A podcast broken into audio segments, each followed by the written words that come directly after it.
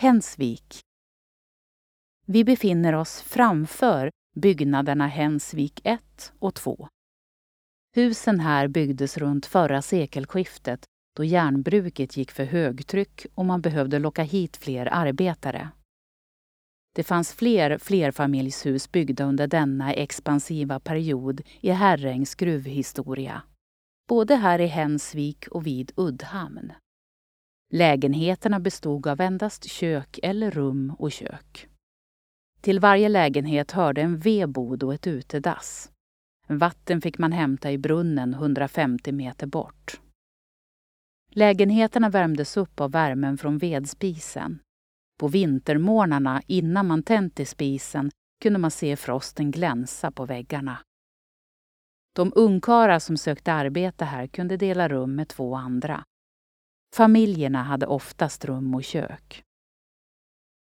Barbro Henriksson berättar om sin barndom här i huset på 30-talet. Detta var levnadsvillkoren för alls inte så länge sedan. Mina föräldrar gifte sig 1931 och jag föddes 1932. Snart kom min bror och syster till världen. Vi är alla tre födda i den kökssoffa mina föräldrar köpte tillsammans med annat bohag till hemmet på auktion. Jag har soffan kvar ännu. Den är lika fin nu som då och minner mig om svunna tider. Barbro fortsätter. Vi var ett femtontal barn i huset som lekte tillsammans. Man hade alltid någon att vara med. Våra lekar var förberedelser för det vuxenliv vi förväntade oss. Vi lekte mamma, pappa, barn. Vi svepte in de minsta barnen i filtar så de kunde ligga bra i en skreva i berget. Pojkarna, papporna, gick till jobbet, det vill säga de gick in i skogen och lekte indianer och vita. Vi mammor ordnade kalas, bland annat bröllop. Vi lånade gardiner och med kanelburkar spända under hälarna fick vi de högklackade skor som vi hett önskade oss. Nu kunde vi stolpa omkring och känna oss fina. Förebilder var föräldrarnas bröllopskläder och skor som fanns långt inne i garderoben. Vardagskläderna var klänning och enkla skor. Barbro talar också om barnens kreativitet med de saker som stod till buds under denna tid. Cykel var inte så vanligt, men en spark fanns i alla familjer. Vi satte ihop dem till ett långt tåg. Småbarnen spände vi fast på sitsarna och sedan sparkade vi iväg. Vägarna var varken saltade eller sandade då, så det gick med en väldig fart. På vår lilla grusplan lekte vi bolllekar. Det fanns inte så många leksaker, men bollar fanns och gav oss glädje.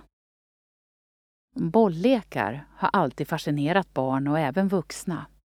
Med bollar kan man spela brännboll, bolla treboll mot en vägg, sparka fotboll, rulla mindre bollar, kasta boll i en hink.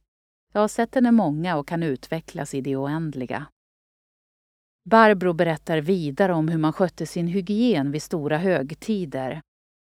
Till vardags sköljde man av sig vid ett tvättfat, så kallad kattvask. Det fanns ingen möjlighet att tvätta sig utan att hela familjen var närvarande. Till jul fick vi bada. Mamma tog fram stora baljan och pappa gick och hämtade vatten som mamma värmde på vedspisen. Jag som var äldst fick bada först. Sedan skulle min syster bada och sist min bror. För varje badande tog pappa ur en hink vatten och fyllde på med en hink varmt fräscht vatten. På julaftons morgon satt så tre nybadade barn med rosiga kinder i kökssoffan. Vi hade inte råd med julklappar, men vi fick varsin bok. Anders fick en bok om Trisse, Kajsa en bok om troll och jag fick flickornas julbok. Pappa hämtade en gran som vi klädde fin. Nu var det helgkväll. Och så var det då besöken på utedasset, i ur och skur, vinter som sommar.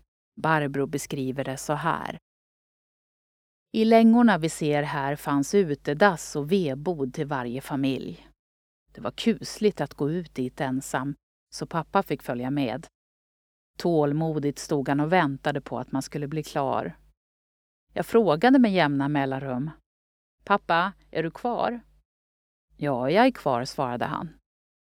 Det fanns inte tunnor på den tiden utan det vi gjorde hamnade på en cementplatta. Skit-Oskar kom sen och hämtade allt. Han rakade ihop avföringen, lade den i tunnor och körde bort det med häst och vagn. Vi torkade oss med tidningspapper. Det var nära till grannarnas stass som ni förstår. En gång var det en gubbe som sa ”Vad vackert du pinkar, flicka”. Skräcken jag kände var förlamande. Detta är Barbros upplevelser i en tid då man var beroende av Herrängs Gruv aktiebolag. De gav arbetstillfällen, och män med dåliga villkor. Ägde affären och stod för undervisningen av barnen.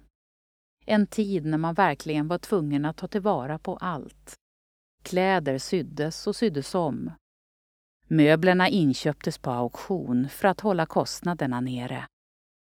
Frukt och bär fanns att plocka i skogen. Man plockade hasselnötter och rostade. Skogens och ängens skafferi var en möjlighet till variation i maten och gav vitaminer och mineraler. Upplev flera berättelser och objekt på plats med Geostory-appen. I appen kan du också tävla om att bli väktare och beskyddare för dessa. Finns där appar finns. Har du förslag på intressanta och bra berättelser som du tycker borde finnas i Geostory? Gå då in på geostory.se, välj bidra under meny och klicka sedan på förslag på Geostory. Vill du även hjälpa till och sponsra redan inlämnade historier kan du välja insamling och sen sponsra med det du vill och kan. Vill ditt företag höras här? Kontakta då oss gärna på info.geostory.se för att vara med och sponsra